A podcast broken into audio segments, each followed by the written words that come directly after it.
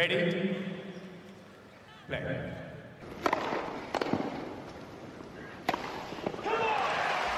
Merhabalar, Raket Servisi hoş geldiniz. Ben Gökalp. Ben Anıl merhaba.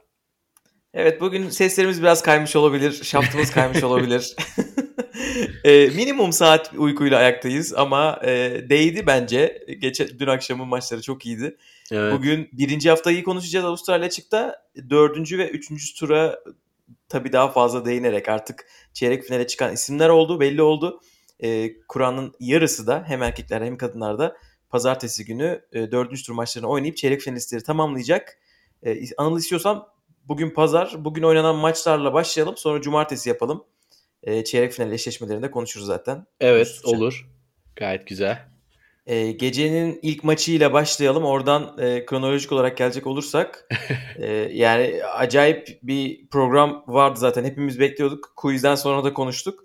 E, program e, yani bütün beklentileri karşıladı diyebiliriz. Özellikle ilk kısımda Osaka Muguruza maçı Of çok çok iyi bir maçtı. bayağı Ee, fazla iyiydi. Beklentilerin de üstündeydi bence. E, yani Osaka'nın karşısına böyle sağlam bir rakip gelince artık beklentilerimiz zaten çok yüksek. E, bu Amerika açıkta oynadığı maçlardan sonra özellikle Brady maçından sonra e, Muguruza maçından da öyle bir şey bekliyorduk ama ben Muguruza'yı açıkçası bu kadar sağlam beklemiyordum. İlk iki set hatta yani tabii ki üçüncü sette maç puanına kadar gitti Muguruza. Geldi. Evet. Acayip bir performans. E, ama tabii her zaman konuştuğumuz gibi tenise son puanı kazanan maçı kazanıyor. Ve bunu Osaka başardı. Hem de son 22 sayıda basit hata yapmayarak inanılmaz bir maç bitirme sekansı oynadı.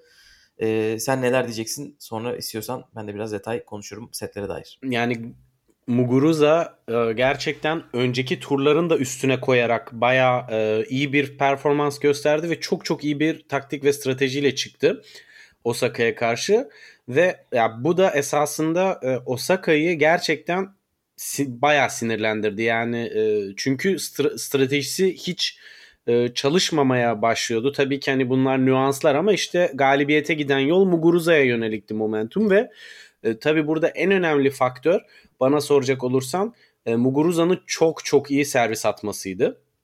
E, o hep bir e, Osaka'ya kendi servisinde daha bir e, stres yarattı ve bence belki de birinci servislerinde e, sıkıntı yaşamasının temel sebeplerinden biri de o ekstra baskıydı. Ama e, özellikle o ikinci setteki o sinir harbi döneminde bir anda çok çok iyi taktik ve strateji değiştirdi Osaka ve hani işi genel konuşmak gerekirse bence Muguruza'nın oyun taktiğini Muguruza'ya uygulamaya başladı biraz. En sonunda da farkı ortaya koyan şey bence mental taraftan ziyade e, fiziksel güçtü. Özellikle 5-4'teki maç puanından sonra sanki böyle Muguruza o ana kadar bütün gücünü vermiş de orada alamayınca vücut böyle kendini bırakmış gibiydi. Çünkü e, toplara koşarkenki timinginde ciddi sıkıntılar vardı son sayılarda. Ama bu sırada Osaka hala ben, bence tam manasıyla e, kelebek gibi süzülüyordu kortta. Ve o kadar rahat hareket edip o kadar rahat topları e, etkili bir şekilde karşıya yolluyordu ki 3 5 7 sayı vuruş geldikten sonra rallide Muguruza artık toplara iyi pozisyon alamamaya ve topu ya dışarıya atmaya ya fileye atmaya başladı. Ve fark yani maçın galibini belirleyen taraf da o oldu biraz bence. Evet Muguruza ya bu söylediğimiz taktik stratejileri bence biraz açalım çünkü çok güzel bir oyundu o açıdan da. Evet. Ee, benim gördüğüm kadarıyla Muguruza ilk sette e, hem çok erken e, riskli toplara gitti hem de e, yani çok köşelere gitti ve derin top oynadı. Yani açıdan çok gerçekten hem iki tarafta da paralel kanatta e, çok derine toplar attı. E, Osaka bu arada basın toplantısında maça başlarken çok stresliydim, rahat değildim e, demiş. E, ikinci sette de yani o kadar rahat olmadan aslında aldı o seti. Yani çok küçük farklar belirledi seti. Evet. Ondan sonra e, böyle sinirlenip raket fırlattığı bir yer var. O raketi fırlattıktan sonra daha çok sezgilerimi dinlemeye baş- başladım. E, düşünmeyi azalttım, rahatladım. Ve e, maçtan önce Wim Fissett'in, e, antrenörünün ona söyledikleri biraz daha mantıklı gelmeye başlamış. Çünkü ilk başta onları herhalde yapmaya çalışıp onlardan karşılık bulamayınca sanırım stresi artıyor. Ondan sonra ama kafası rahatlayınca o söylediklerine geri dönüp e, teker teker akınca oyunda e, yani onun çok fazla faydası olmuş. Muguruza bence de biraz e, maç ilerledikçe rally'de tutmaya çalıştı gibi hissettim ben topları. Biraz daha fazla oynamaya çalıştı ki bu Osaka'nın aslında çok Osaka'yı çok rahatsız eden de bir şey olmadı. Bir de Osaka rahatlayınca tabii tavanı çok yüksek olan bir oyuncudan bahsediyoruz. Evet. Yani o zaten çünkü maç puanı karşılarken mesela Muguruza'nın yanlış yaptığı bir şey e, yoktu Osaka maç puanı karşılarken. Birini ace ile karşıladı. Diğer sayı çok iyiydi. E, 5-4'te maç için servis atarken Muguruza o oyunun başına iyi giremedi. E, iki basit hatayla 15-30 geriye düştü. Orada gerçekten bir değişiklik herhalde orada olabilirdi ama Osaka'nın maç sonu e, performansı acayip. Bu arada basın toplantısı gerçekten çok iyi. Osaka'nın ben benim uzun zamandır dinlediğim en iyi basın toplantılarından. Hem maç için çok iyi anlatmış. Tabii ona dair sorular da gelmiş. E, Suveyşe ile alakalı çok iyi böyle enstantaneler var. E, bu maç için şey diyor. Rally'de hızı hiç düşüremeyeceğimi bildiğim için üzerimde çok büyük baskı vardı. E, çünkü hem Muguruza ile ilk defa oynuyorlar hem de Muguruza'nın beklediği gibi bir oyuncu olduğunu görüyor maçın başında. Yani gerçekten Muguruza çok iyi oynadı. E, seyirci olsaydı belki daha da iyi bir maç olurdu. E, Kesinlikle. Dedi basın toplantısında. E, ve de Suveyşe sorusu gelince çünkü e, çeyrek finalde Suveyşe ile karşılaşacak. E, geçmişleri var. 2019'da 4 maçları var. 3 defa sert kortta oynadılar. Üçü de 3 sete gitti. e, ve çok böyle şirin anekdotlar var birbirlerine paylaştıkları. E, Suveyşe'ye bu sorulduğu zaman işte zamanında e, Osaka'yı o kadar çok seviyorum ki kortta onu görmeyi çok uzun istiyorum. Onun için maçlarımız uz- uzun gidiyor gibi bir şey demişti. e, Osaka'da e, neden onun oyunu seni bu kadar geriyor diyen sor, soran gazeteciye dedi ki siz onu hiç izlemediniz mi e, nasıl oynadığını? Bu bir tenis video oyunu oynasam ben herhalde Suveyşe'yi seçerdim. O, öyle bir oyunu var. Her şeyden vurabiliyor gibi bir şey söyledi. Gerçekten bu maç nasıl olacak? Merakla bekliyoruz. Çünkü öbür taraftan Suveyşe Vondroushova'yı gayet net eleyip geldi. 6-4, 6-2 ile. O maçta e, eğlenceliydi kadınlar tarafındaki en şaşırtıcı isimlerden biri Suvey Şey bence. Yani her zaman ters bir rakip. Sürpriz yapmaya açık. Ama hiçbir zaman öyle başlangıçtan çeyrek finale adı yazılan bir isim kolay kolay olmaz. Özellikle yaşı ilerledikçe. Ama hani burada e, tabii biraz daha farklı olacak olan şey muhtemelen e, return oyununda. Çünkü Muguruza hakikaten bugün çok e, yavaş servis attı ve özellikle ikinci servisi çok yavaştı bana soracak olursan. Ondan dolayı da zaten ikinci servisten çok puan çıkaramadı. Yani e, Muguruza ilk servislerini attığı zaman çok iyi ama iki ilk servis gelmediği zaman bayağı bir sıkıntı. E, bu da tabii ki sonlara doğru biraz birinci servis istikrarı da düşünce bu sefer ibre Osaka'ya döndü. Başta Osaka'nın zorlandığı nokta olan servis etkinliği de sonra Muguruza'da sıkıntı oldu. Yani o servis dili olarak Muguruza'yı biraz e, Zverev'e benzetebiliriz. Onun biraz daha gücü düşük versiyonu olarak. Evet ya yani bence iyi bir nokta. İkinci servisi bu arada diğer maçlarıyla aslında benzer bir hızda attı ama herhalde bu en önemli noktalardan birisi. Aralarındaki tavan farkını açıklayan şeylerden biri bu. Evet. Yani Muguruza 135 ile e, bu arada Osaka da çok benzer atıyor ama ilk servisleri çok farklı tabii ki. Ama tabii %79'da ilk servis attı Muguruza bugün. Zaten onun için de bu kadar iyi bir maç oldu. Maçın bakalım içinde Osaka'yla, kaldı kesinlikle. Aynen bakalım Osaka ile Sueşe'nin maçı nasıl olacak? Sueşe dediğin gibi 35 yaşında artık çok tecrübeli bir isim. E, bu yaşta ilk defa Grand Slam e, çeyrek finali gören ilk isim oldu. Yani en yaşlı isim oldu. İlk Grand Slam çeyrek finaline çıkan güzel bir hikaye yazmaya devam ediyor. E, diğer iki kadın maçı da e, birbirinden eğlenceliydi. Kesinlikle. Gecenin diğer maçı Serena Sabalenka maçı. Bu maçın sert geçeceğini bekliyorduk. Gerçekten sert geçti. acayip, acayip bir güç. Yani hani biraz e, Sabalenka'dan başlamak gerekirse bence Gökalp hani bu kadar korttaki hırçınlığını, hırsını içten ve gerçek bir şekilde hissederek ortaya koyan ender kadın tenisçilerden. E, ben mesela kadın tenisçilerde çok şunu hissediyorum oynarken. Böyle yumruk gösterme, come on deme, böyle rakibi etkilemek amacıyla biraz daha suni yapılıyor gibi bazı oyuncular tarafından özellikle. Hani o tamamen psikolojik olarak taktiksel.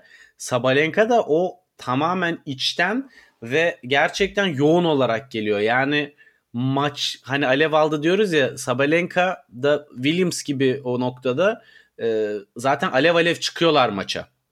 Oyun tarzları da buna yansıyor.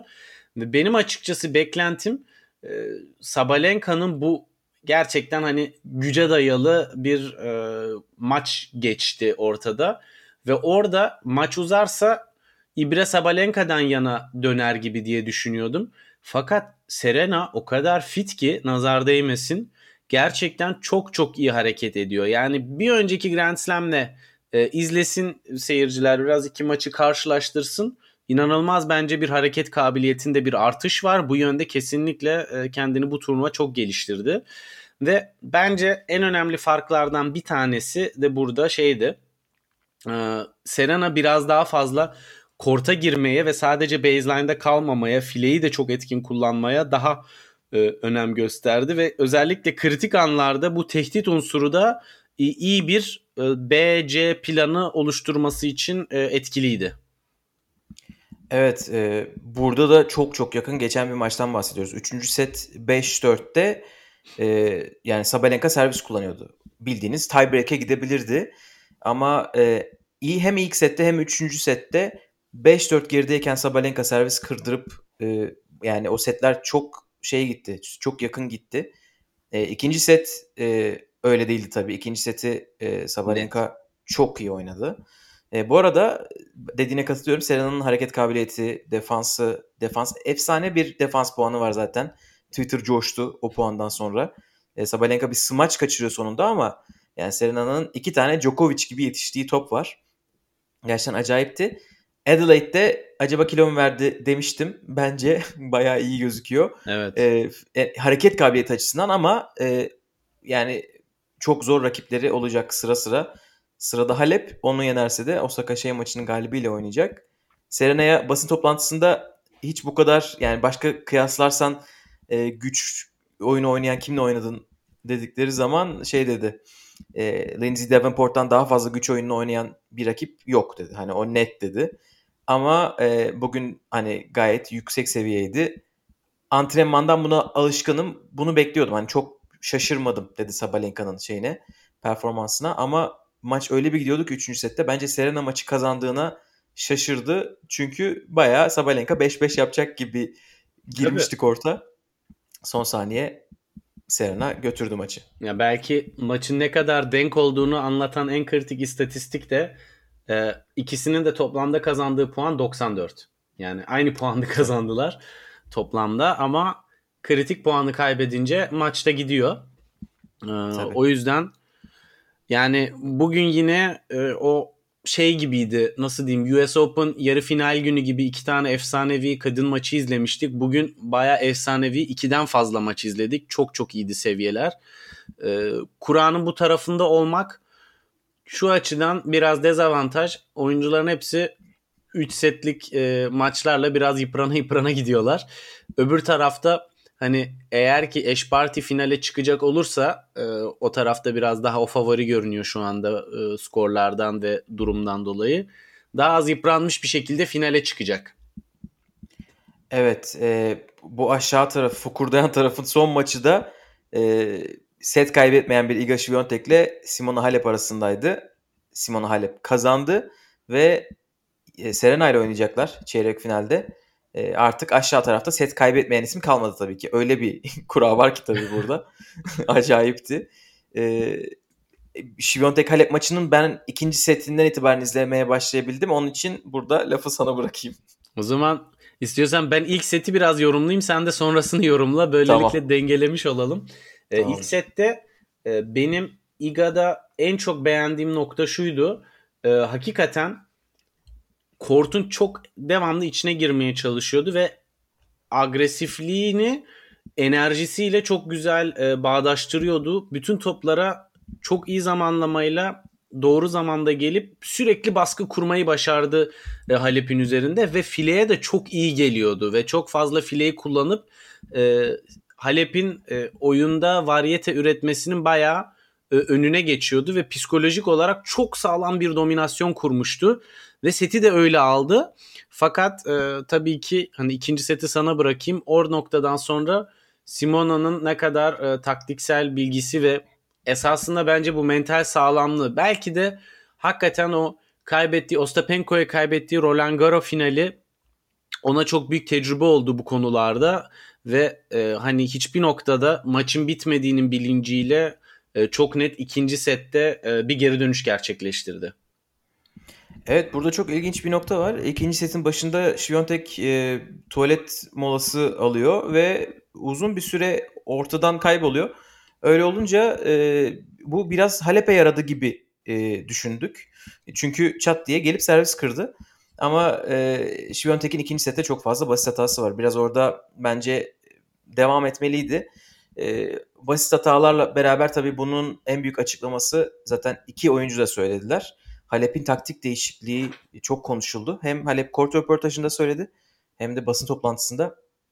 E, ilk e, sette sırf o Paris'teki maçlarının üzerindeki baskısı yüzünden Paris'te çok pasif oynadığını düşündüğü için o Şviyontek'e kaybettiği 6-1-6-2'lik maçtı galiba evet. skor olarak.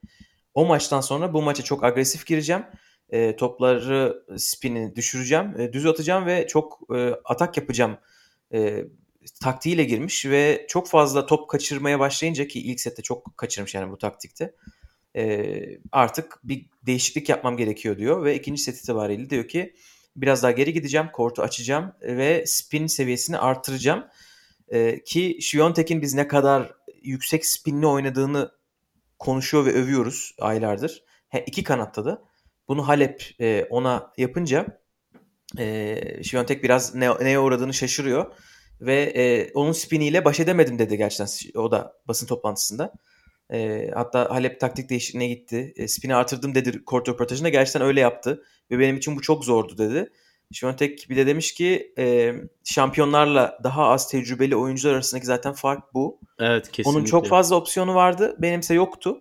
Onun için ona çok büyük saygı duyuyorum demiş. Bu da gerçekten çok dürüst e, böyle rafine edilmeden paylaşılmış bir e, düşünce. Onu da tebrik etmek lazım. E, bu arada underdog gibi hissediyordum. Hani ben favori olduğumu Hı. hissetmiyordum e, diyor bu maç için. E, çünkü bir Fransa açık şampiyonundan bahsediyoruz artık ve en son Halep'le oynadıkları maçta onu ezip geçmişti. E, bu beni rahatsız etmedi hani benim hakkında düşünülenler bu maçta diyor. E, bence zaten bakalım bilmiyorum önümüzdeki turnuvalarda nasıl hissedeceğim diyor. Bence asıl baskıyı Fransa açıkta hissedecek Şiyontek. Aynen Kenny'nin geçen sene Fransa'da baskı hissetmeyip burada baskıdan evet. ölüp bitmesi gibi geçen sene şampiyonu olduğu için burada neye uğradığını şaşırdı. Gitti Kanepi ikinci turda kaybetti. Bir de sonra Philip Island turnuvasında dünya 700 numarasına kaybetmiş bir de bugün yazık. Kim ee, bilir hangi için... kafayla çıktı o maça. Ama evet baskı ama yokmuş üstünde Şviyontek'in. Ona rağmen Halep çok iyi maçta kazandı. Yani e, Şviyontek burada tecrübeli değil ama ne kadar olgun olduğunu gösterdi bence ve hani ben de onu diyecektim tam. E, Şviyontek'in oynadığı oyunda e, karşı tarafa üstünlük kurabilirse Şviyontek'i yenmek çok zor. Zaten bunu Roland Garros'da gördük. O dominant agresif yapısı ama Halep gerçekten repertuarı hani ne kadar geniş o konuşulur. Fakat plan ve taktik olarak ABC planı ve çözüm üretme kabiliyeti çok yüksek bir oyuncu. Ve tamamen işte tecrübeli oyuncuyla genç potansiyelli bir oyuncu arasındaki fark bu oluyor. Ee, bunu hani erkeklerde de biz çok görüyoruz biliyorsun. Yani böyle ilk sette Big Three'yi çok zorluyorlar. Sonra ya o birinci seti alıyorlar ve setin sonlarına doğru taktikleri çözülüyor. Güç bela alıyorlar ya da ilk seti e, kıtı kıtına kaybedip sonraki setlerde böyle 6-1 6-2'lik skorlarla direkt çözülmüş oluyorlar.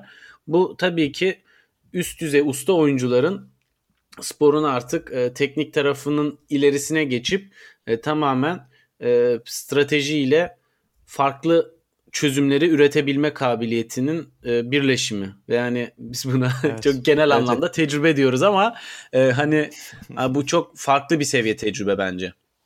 Tabii aynen öyle.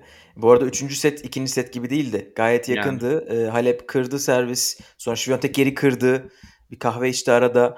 Sonra Halep geri kırdı. Şiyontek'in şansları vardı ama orası daha yakındı. Şiyontek nete çok gelmeye çalıştı ama böyle bence biraz bir tık erken geldi.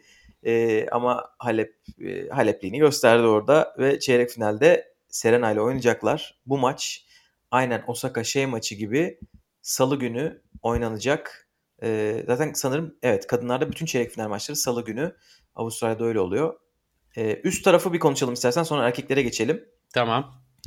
Ee, dün oynanan maçlardan sonra dördüncü tur maçları şu şekilde kadınlarda. Ash Barty Shelby Rogers ile oynayacak.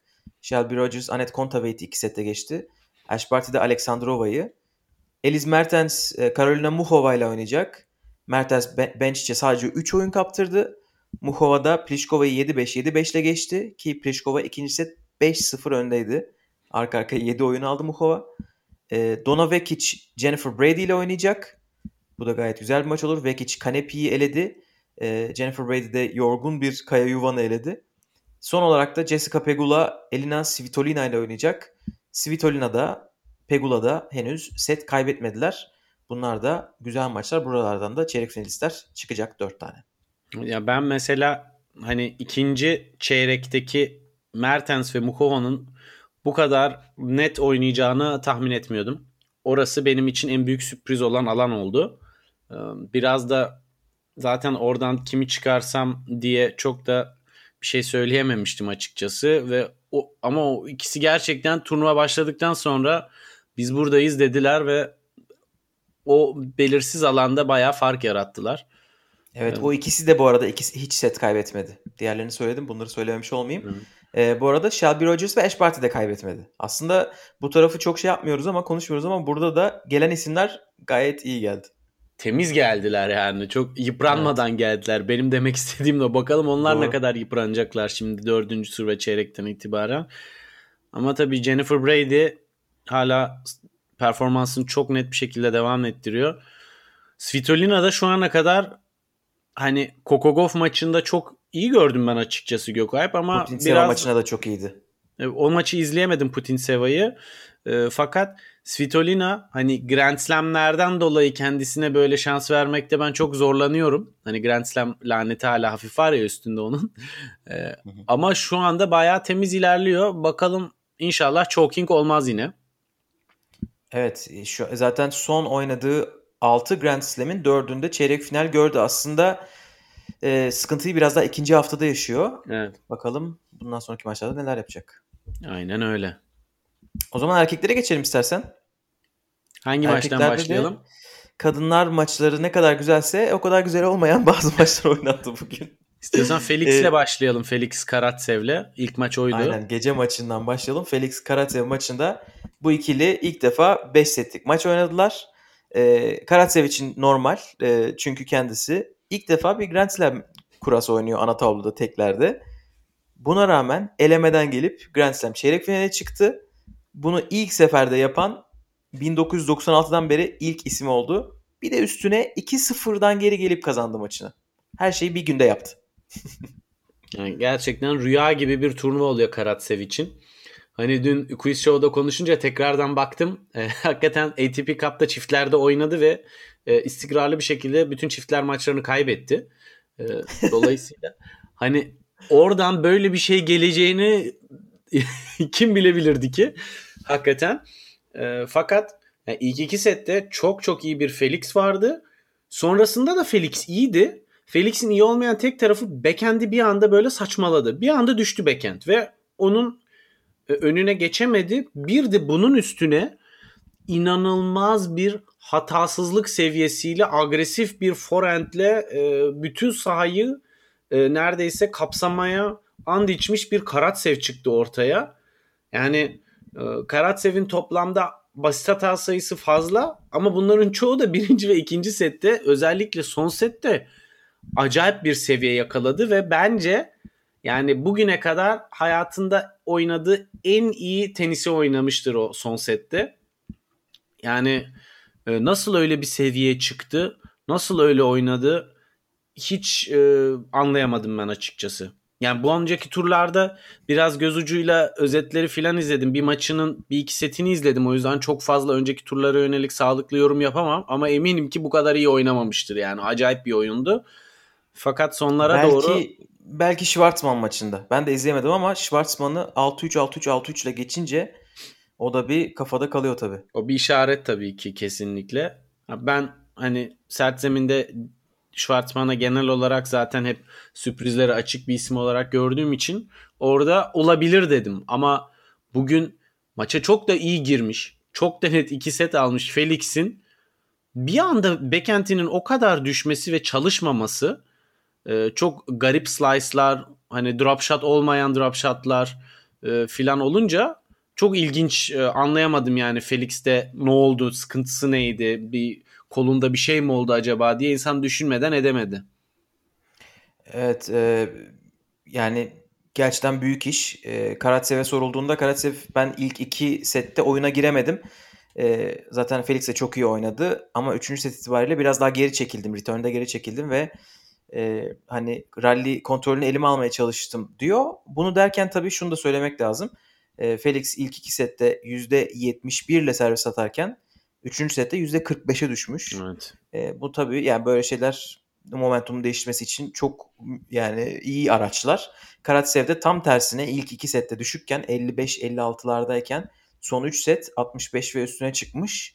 İlk servisler böyle olunca zaten ben de hızlı kort hızlı kort gerçekten geçen seneye göre diyor Karatsev. E, ama benim işime geliyor. Ben memnunum dedi e, kort röportajında. E, bu arada Geçen sene e, ya Karatsev tabii çok konuşulmayan bir isim çünkü Challenger oynuyordu şu şimdiye kadar e, daha çok. Geçen sene pandemi arasından dönüldükten sonra ilk turnuvasında Prag'da final görüyor ve Wawrinka'ya kaybediyor. İkinci turnuvasını Prag'da kazanıyor. Sonra Ostrava'yı da kazanıyor. Bunların hepsi 3 hafta arka arkaya. Sonra e, sene sonuna doğru bir yine bir Challenger e, yarı finali var. Yani geliyorum diyormuş. Tabii çeyrek final biraz aşırı oldu e, gerçekten büyük iş. Ya Kimle oynayacak de... onu da konuşalım. Ha, Heh, çok söyle. kısa şunu söyleyeyim. Servisi karşılama noktası e, mesela e, hani Felix'in en hızlı servisi 212 kilometre hızlaydı. Ve o sayıyı e, hatırlıyorum. Hatta sana da yazmıştım sanırım orada abi nasıl bir şey bu falan diye. E, neredeyse e, servis çizgisinin üst yani arka baseline çizgisinin üstünde 212 kilometre hızla gelen ve T'ye etkili gelen bir servisi o kadar net karşılayıp bam diye bütün o gücü karşı tarafa geri yolluyor ki e, reaksiyon süresi kalmıyor rakibe. Yani hızlı servisi dezavantaja döndü neredeyse Felix'in. Bir de zaten Hı. servislerin içeri düşme oranında düşünce inanılmaz bir baskı kurdu ve çat çat servis kırmaya başladı. O, o da belki geri çekilmemiştir. Çünkü basın toplantısında e, servis pozisyonumu değiştirdim deyince bir, bir de bir şey daha söylemiş. Ben onu geri çekildi gibi düşündüm ama belki biraz daha önden karşıladı. Ya ne ben yaptıysa özellikle birkaç sayıda birinci servisleri o kadar önden karşılamasına bayağı şaşırmıştım yani. Ama variyetesi de vardır orada. Şimdi %100 hepsini önde karşıladı demek de doğru olmaz.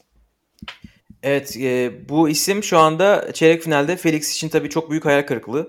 E, çünkü Deniz Şapovalov'u çok güzel bir maçta yenmişti. Tertemiz. E, ve yani dördüncü turda elemeden gelen bir isimle oynayınca favori durumundaydı tabii ki.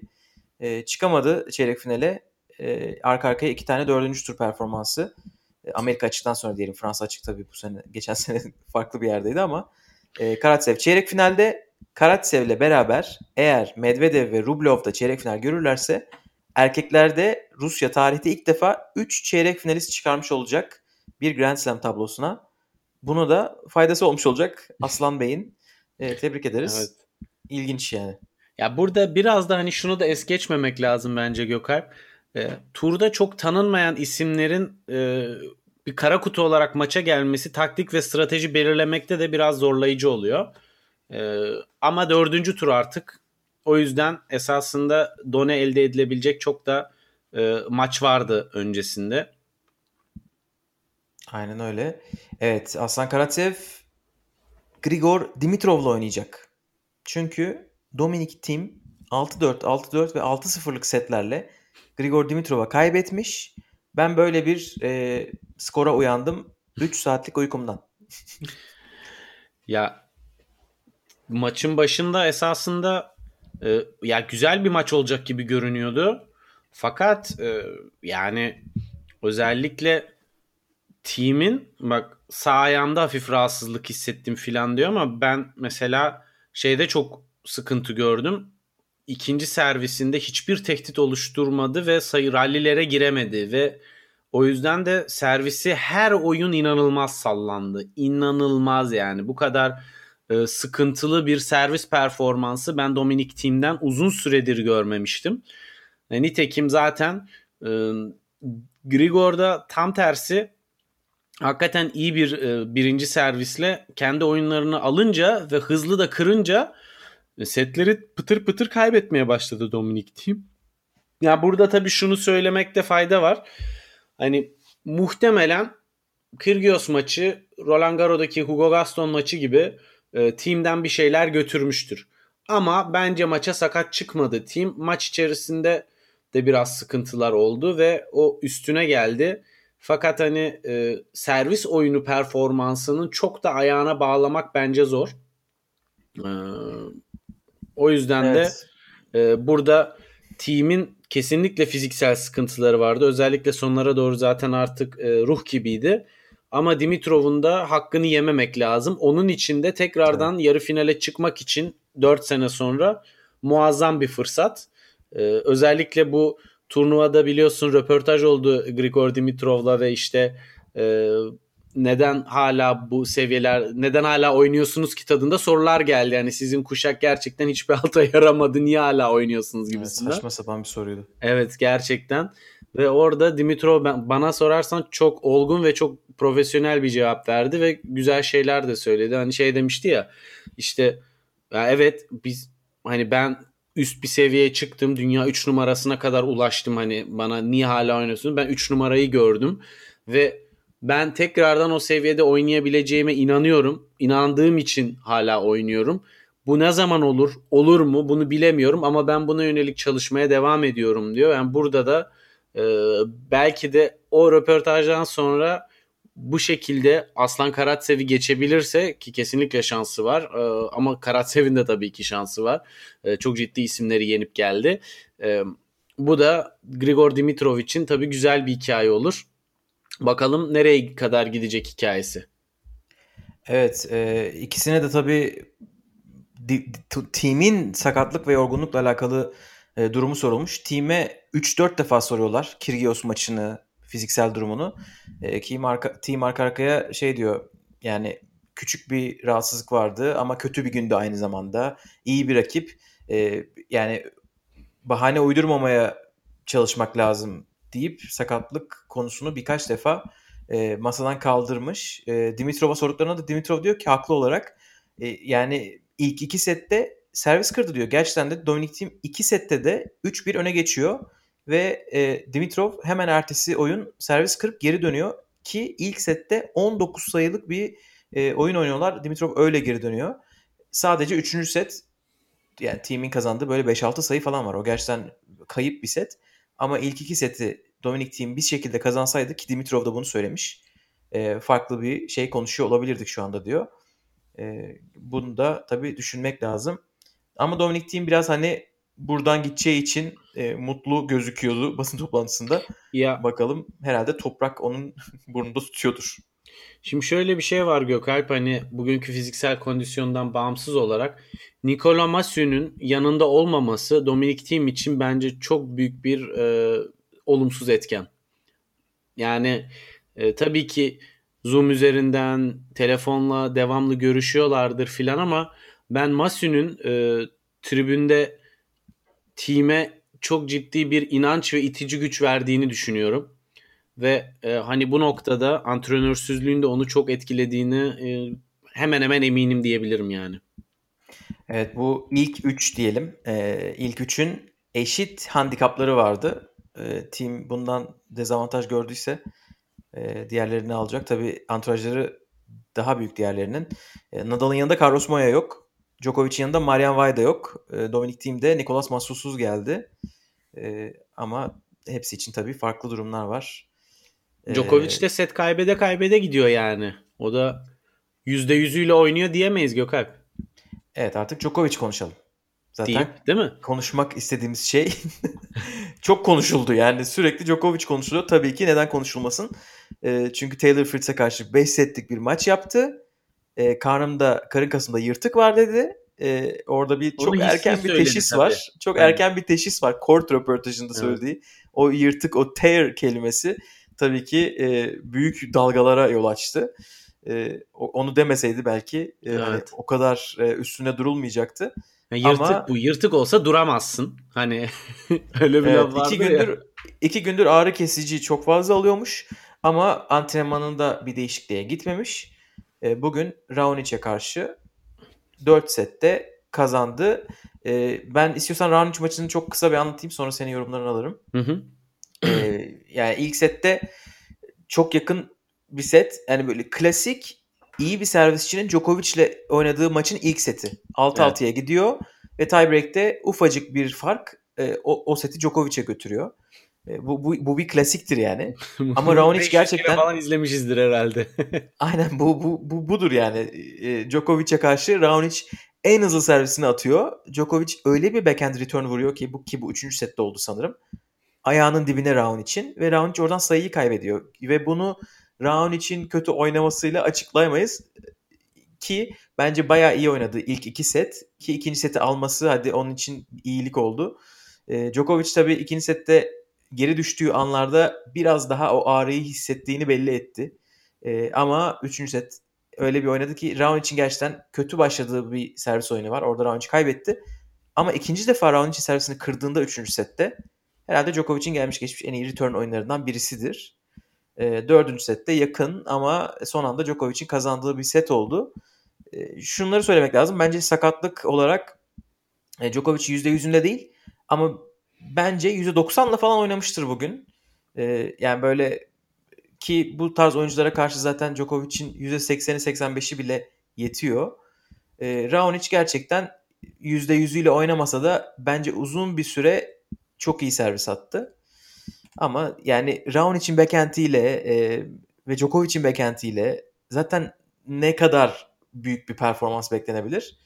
E, Djokovic o Taylor Fritz maçındaki gibi değildi yani bugün ve güzel bir galibiyet aldı. E, Zverev'le oynayacaklar.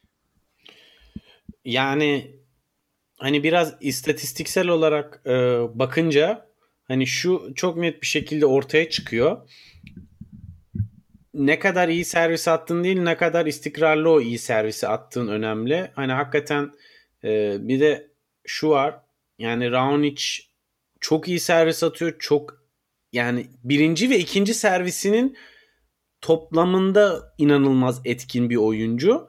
Fakat bugün geride kalan hakikaten ikinci servis performansıydı. Hani Raonic'e maç kazandıran özelliklerinden birisi o kırdırmamasını sağlayan. Bu da Djokovic farkı oluyor. Ve hani yani Djokovic'in Taylor Fritz maçında bile çok üstüne gidildi bence. Yani bir insan 2-0 öndeyken numaradan karın ağrısı yapıyorum e, şey karın ağrım var falan filan diyerek e, maçı 5 sete götürmez. Belli ki bu adamın bir sıkıntıları var yani. Hani akıl mantık dışı öyle bir noktada hani istediğin kadar de ben de kariyerinin belli bölümlerinde biraz abartı medical timeout'lar aldığını düşünüyorum. Öyle hissettiğim noktalar var. Hani tabii bunların hiçbir kanıtlanamaz ama Taylor Fritz maçı o kadar saçma bir nokta ki medical timeout alıp maçı soğutmak için. İnsanlar onun çok üstüne gidiyorlar ve bugün işte korta çıkınca aa hani yırtıktı hani şöyleydi numaracı seni falan gibisinden e, şey yapıyorlardı. Hani bu noktada... Bence o 3. tur maçında Djokovic'ten çok Fritz'in üstüne gidildi. Çünkü Djokovic'in gerçekten oynayamadığı belliydi ve Fritz o 3. ve 4. seti Djokovic'in ikramıyla aldı. Bak, o da bir hani kesim. O haklı neden, bir serzeniş. Hani neden 5. seti bu kadar şey yap, kötü oynadın e, dedi ben benim gördüğüm kadarıyla insanlar. O senin söylediğin bugün hani bugün Djokovic'in iyi oynamasına şaşırmaktan gelen bir hani sakattın e, hayal kırıklığı var sanırım. Hani Djokovic de... olmayan hayranlarında. Ya o gün de yazan çoktu Gökalp. Hani e, bilmiyorum belki senin filtrelerinden elenmiştir o insanlar. ben de maalesef çok timeline'a öyle fanteziler de düştü gerek Türkçe gerek İngilizce. E, hani eleştirilecek bir şey varsa o kadar form durumunda sıkıntı yaşayan bir Djokovic'e karşı maçı kapatamamaktan dolayı kesinlikle Fritz'e gider. Hani onu e, ele, o eleştiriler bence doğru. Bugünkü Bence şaşkınlık Bir onu bir söyleyeyim mi ben? Çünkü o Fritz'e karşı ben bence Fritz'in üstüne çok gidildi. evet. Ee, yani bu kadar fazla sakat oynayıp 3. 4. set birden inanılmaz forehand vurmaya başlayan bir oyuncuya karşı bence afallamak çok çok normal. evet. Yani bunu herkes yaşadı. değişti. Bunu herkes yaşadı. Yani bunu Andy Murray Grand Slam finallerinde iki defa yaşadı Avustralya'da arka arkaya. Bırakın Taylor Fritz bu e, şapşallığı yaşasın yani ki karşınızda e, dünyanın gelmiş geçmiş en iyi oyuncularından birisi birden en üste çıkıyor ve en kötü halden yani o kadar hızlı bir seviye farkı var ki e, bence hayal kırıklığı da vardı Taylor Fritz'te. Yani ben 3. ve 4. seti rahat rahat aldım. Sen nereden çıktın şimdi? İyiydik hayal kırıklığı da. E, ki- yani kariyerinde 3. turdan öteye gidememiş bir isimden bahsediyoruz. Tabii bu belki Tsitsipas, Medvedev gibi oyuncular olsaydı farklı olurdu ama Taylor Fritz bu sonuçta. Ben böyle Evet. düşünüyorum. Ve yani katılıyorum. Doğru bir tespit. Eleştirmek de bence yani eleştirilse yine de eleştirilir ama senin görüşün kesinlikle doğru. Ee, orada bir şaşırma ektefi efekti olabilir. Bence Djokovic konusunda biraz da görmezden gelinen nokta şu. Bu adamın servis oyunları inanılmaz gelişti. Yani return'e o kadar alıştık ki e, Djokovic'in servis oyunlarını e, oyun planları, taktik ve stratejileri ne kadar iyi kurguladığını ve artık e, ezberden neredeyse oynadığını biraz kaçırıyor insanlar bence.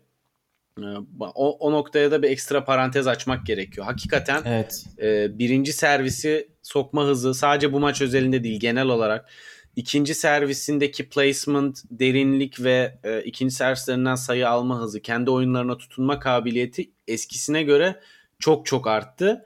E, yani return konusu zaten hani gelmiş geçmiş tarihin en iyi returncüsü bence.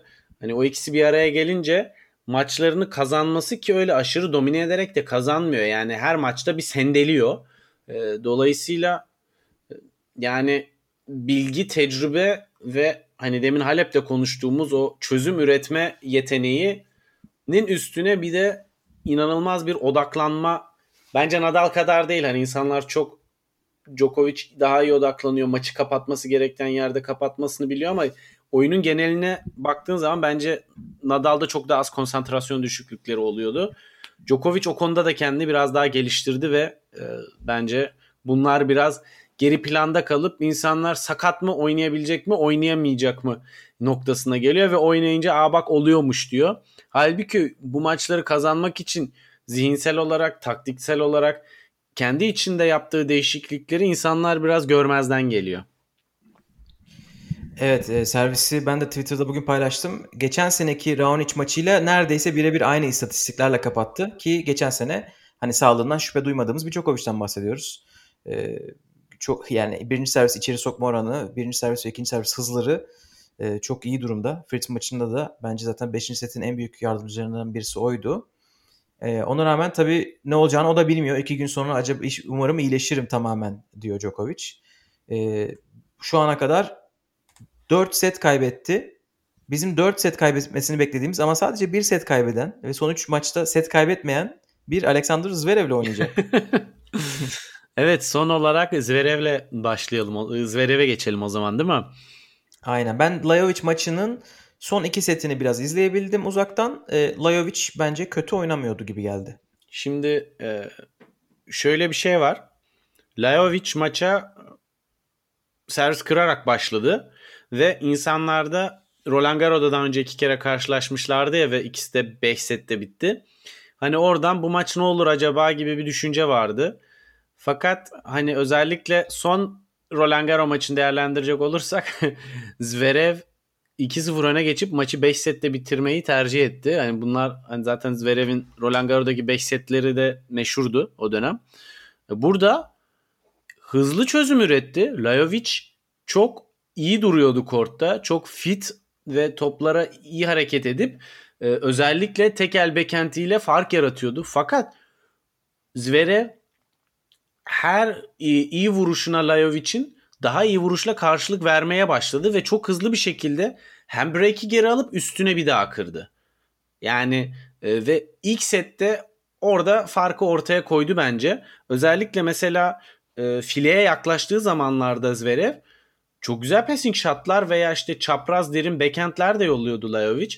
Fakat volesi şaşırtıcı, şaşırtıcı bir şekilde Zverev'in gayet e, özgüvenliydi. Ve bu da Lajovic'in daha fazla risk alıp e, daha zor vuruşlara yönelmesine ve dolayısıyla e, tabii hata sayısında artmasına vesile oldu. Ve tabii bunun üstüne Zverev'in inanılmaz bir e, birinci servis performansı var maçta. E, %72 ile atıp e, o sayıların da %76'sını aldı. Toplamda da 15 ace'i var.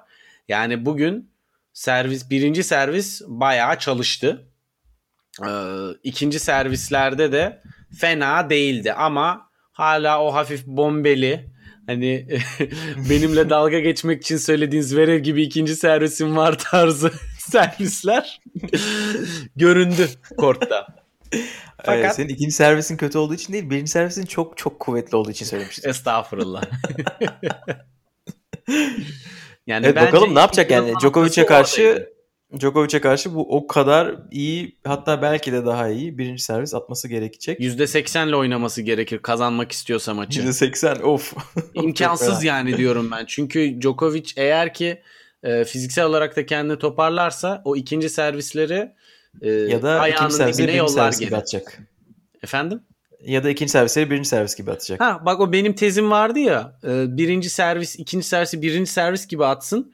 Her oyun iki tane double fold yapsa bile bütün servis oyunlarını alır.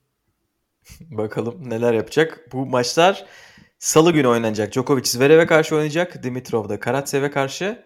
Yarın erkeklerin kurasının alt tarafında kalan dördüncü tur maçları var. Andrei Rublev Kasper Ruud'la oynuyor. Kasper Ruud, e, Jordan Thompson, Tommy Paul ve Rado Albot'u geçti. E, Bautista'nın yokluğundan oralara kadar yükseldi. Andrei Rublev da e, set kaybetmeyen isimlerden birisi. Mackenzie McDonald, Danil Medvedev'le oynuyor. Medvedev fantastik bir 5 setlik maç oynadı Krajinovic'e karşı. 3 ayrı dilde e, koçuna e, bağırarak gerçekten seyircisiz bir ortamda da böyle şeyler yapabileceğini gösterdi. ee, ya Gökhan çok özür dileyerek bir şey söylemeyi unuttum. birbirleriyle oynayacak. Ee, bir şey söylemeyi unuttum Zverev konusunda. Ee, gerçekten backhand ile yapamayacağı şey yok şu anda ve o inanılmaz kilit bir nokta olacak Djokovic maçında. O backhand ile neler yapacak ve Djokovic ne kadar e, o backhand'den kaçınabilecek. Evet bakalım salı günü o güzel bir maç olur. E, Rublev ve Medvedev maçlarını kazanırlarsa birbirleriyle oynayacaklar. Asıl aşağı taraf çok çok güzel iki maç var. Tsitsipas Berrettini ile oynayacak. E, bu ikili son maçlarını set vermeden geçtiler. Ama Berrettini maçın en sonunda e, sakatlandı gibi oldu kar- karnından. Bakalım ne durumda. Onun da altı Fonini Nadal. Bakalım burada ne durumdayız. Nadal en son maçından önce dedi ki sonunda dedi sırtımda bir düzelme var. Artık eski servis hareketime geri dönebiliyorum. E, bunun sebebi olarak da büyük ihtimalle e, Cam Nori maçından önceki gün antrenmana çıkmamış.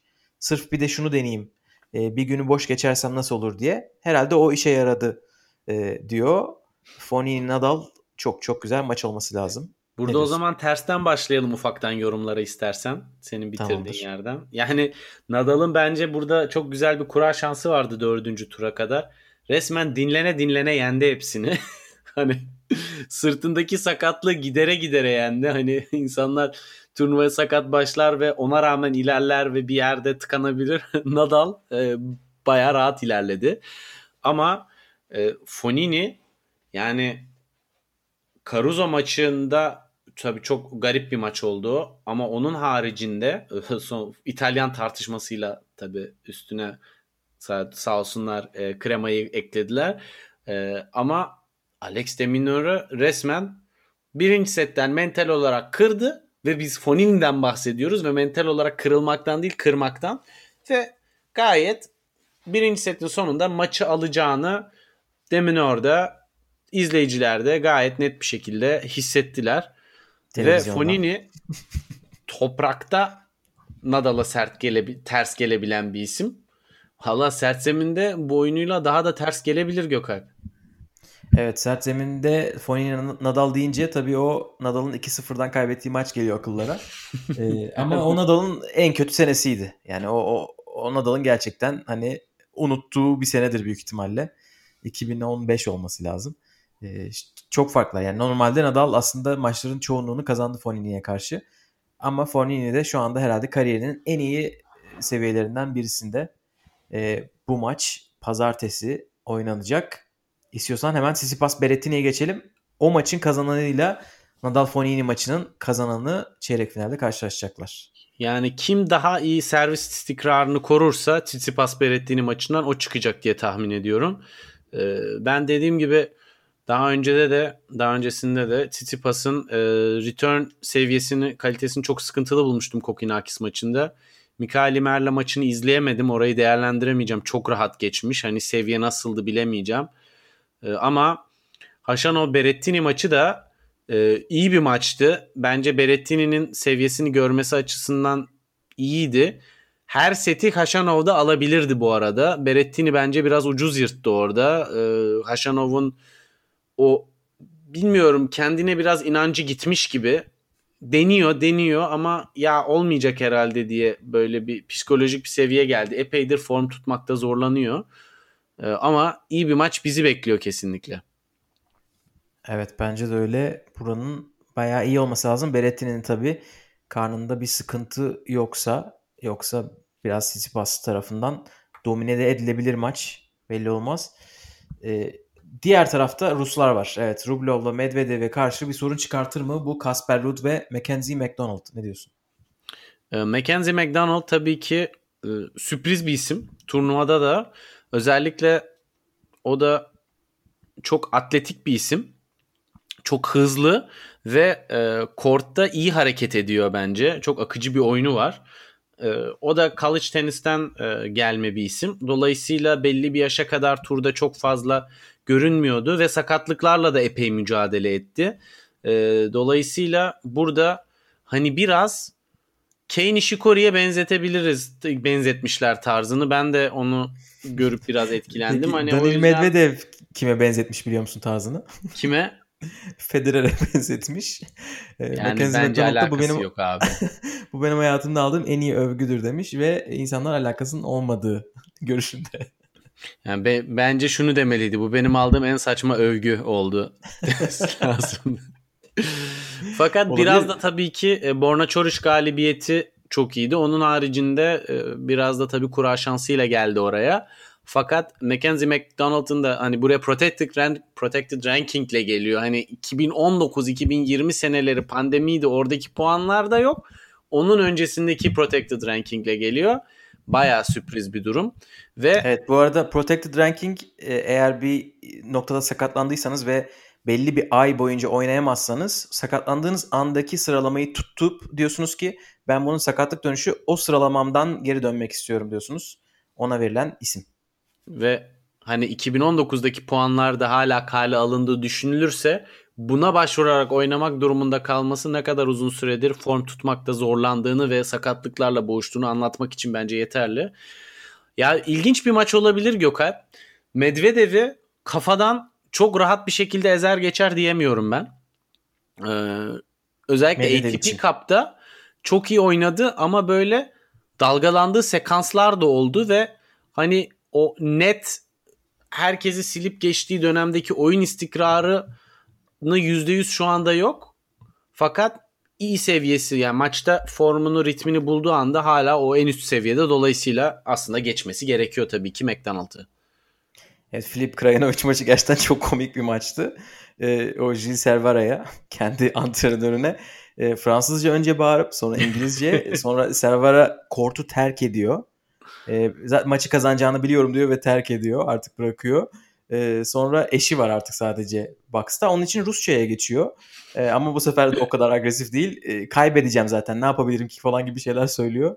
E, ama oradan 5. sette 6-0'lık bir skorla aldı ve kariyerinin ilk 5 setlik galibiyeti bu. İnanır mısınız bilmiyorum ama Medvedev bunu yeni başarıyor. Yani belki şunu da eklemekte fayda var özellikle Gilles Servara kısmına.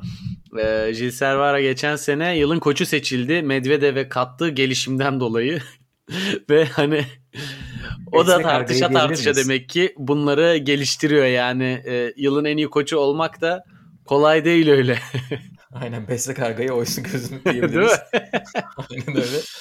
Ee, istiyorsan kurayı böyle kapatalım. Ee, puanla ilgili hani 2019-2020 puanları demişken e, Mine Toker'den hafta içerisinde bir soru gelmişti. Bir ara şu puan sistemiyle ilgili konuşabilir misiniz? Hı hı. Ne oluyor diye. Onu bir kısaca anlatabiliriz. Şu tamam. anda neler oluyor diye. Rublov'u ee, istiyorsan bir son bir çok kısa tamam, bir parantez tamam, tamamdır. Ee, tamam.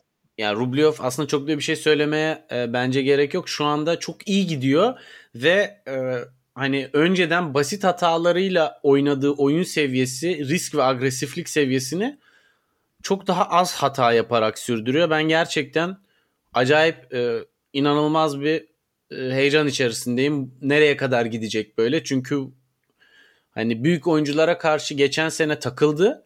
Evet fakat bu sene onu da aşmış gibi görünüyor. Evet, Medvedev'le evet. maçları ne olur bilemiyorum.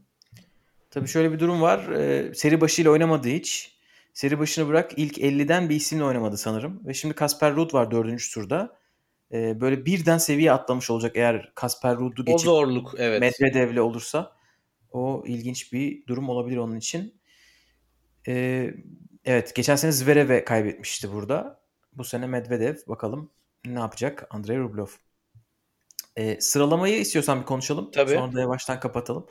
Ee, sıralamada normalde 52 haftalık bir sıralama oluyor. Yani 52 hafta boyunca oynadığınız turnuvaların puanları toplanıyor ve ertesi sene aynı hafta oynayınca önceki senenin puanları düşüyor. Yani Avustralya açıkta 2021'de şampiyon olursanız 2000'de 0 puanınız varsa 2020'de 2000 ekstra puanınız oluyor. Ee, ama Covid'den dolayı insanlar e, rahat yani seyahat edemiyorlar. Bazı durumlardan dolayı oynayamıyorlar. Covid olup oynayamayanlar var. Karantinaya girenler var. Gibi durumlar olabileceği için 2020 Mart'tan 2021 e, Şubat sonu gibi yani Indian Wells olacak şekilde e, olan döneme dediler ki biz eğer bu dönemde oynamazsanız ya da turnuvada daha düşük puan alırsanız 2019'un puanlarını alacağız. Yani 2019 Amerika açıkla 2020 Amerika açıktan hangisi daha yüksekse mesela onu alacağız. E, Nadal mesela bu yüzden bunun rahatlığıyla Amerika'ya gitmedi geçen sene. 2019'da zaten şampiyon olduğu için cebinde 2 puan 2000 puanı duruyor. Herhalde şöyle ekstrem bir örnek verebiliriz. En e, yüksek yüzdeli 2019 puan taşıyanlardan birisi Berrettini. Kendisi 2019'da Amerika açıktaki yarı finali, Şanghay'daki yarı finali ve Londra'daki e, grup maçlarının puanlarıyla %70'i 80'i falan o puanlardan oluşuyor. Ama e, sırf bu kuraldan dolayı ilk ondan düşmedi çok uzun bir süredir. Herhalde böyle özetlemek lazım. Mart sonunda tekrardan gözden geçirilecek bu diye biliyorum Gökalp. Ee, uzatacaklar mı süreyi uzatmayacaklar mı? Bu takvimin sonunda turnuvanın seyrin, turnuvaların seyrine göre tabii ki bu işten faydalı en çok faydalanan bir isim varsa o da Roger Federer. Ee, hiç maç yapmadan hala ilk 5'te ve tabii tabii e, en ekstrem o. o doğru diyorsun. Çünkü Doha'ya bir numaralı seri başı olarak mı katılıyor yoksa Dominic Thiem de mi gidiyordu oraya öyle bir şey vardı sanırım ya öyle. Evet Thiem'in arkasında iki numara. Ya Protected Ranking e, uygulamasına ihtiyaç duymadan kafa rahat bir şekilde turnuvalara katılmaya tekrar başlayacak ve oradan birkaç şampiyonlukla eğer ayrılırsa şayet tekrardan 2021 puanlarıyla tekrardan ilk ona dahil olmayı başarmış olacak gibi bir şey. Böyle garip bir durum. Aynen öyle. Bir buçuk sene oynamayıp. Tabii 2019 Fransa açıktan puanı olan böyle Ash Barty, Marketa Vondroshova isimler gibi isimler de var. evet. Ama en büyük e, düşüş herhalde Bazilashvili de olacaktır. Tabii her, yani böyle çok çok ekstrem isimler var. Onlar puan sıralaması değiştiği zaman biraz aşağılara gidecekler. Diyelim ve istiyorsan böyle kapatalım. Tamamdır. Ee, güzel bir ilk hafta oldu. İkinci hafta da bayağı iyi olacağı benziyor. Bu arada biz tabii Raket Servis quizimizi yaptık YouTube'da. Eğer YouTube abone değilseniz bekleriz. Cumartesi günü tekrar yeni bir bölümle e, artık kapatıyoruz Avustralya Açık Raket Servis quiz e, hesabını. Ama gayet eğleniyoruz. Hani hiç ilk tura kaçıra... devam edeceğiz. Yanlış anlaşılma olmasın. YouTube'u kapatıp gitmiyoruz. Aynen. İlk tura e, Kura analizleri olsun. eğlenceye de gelebilirsiniz yani. Yarın akşam yani pazartesi akşam Türkiye saatiyle 9'da da Clubhouse'da hem İrem hem Elif'le beraber biraz daha geyik ve Nadal severlerin de yo- e, görüşlerinin yoğun olacağı bir e, sohbette olacağız. Oraya da bekleriz. Evet efendim. Bir sonraki bölümde görüşmek üzere diyelim. Hoşçakalın. Hoşçakalın.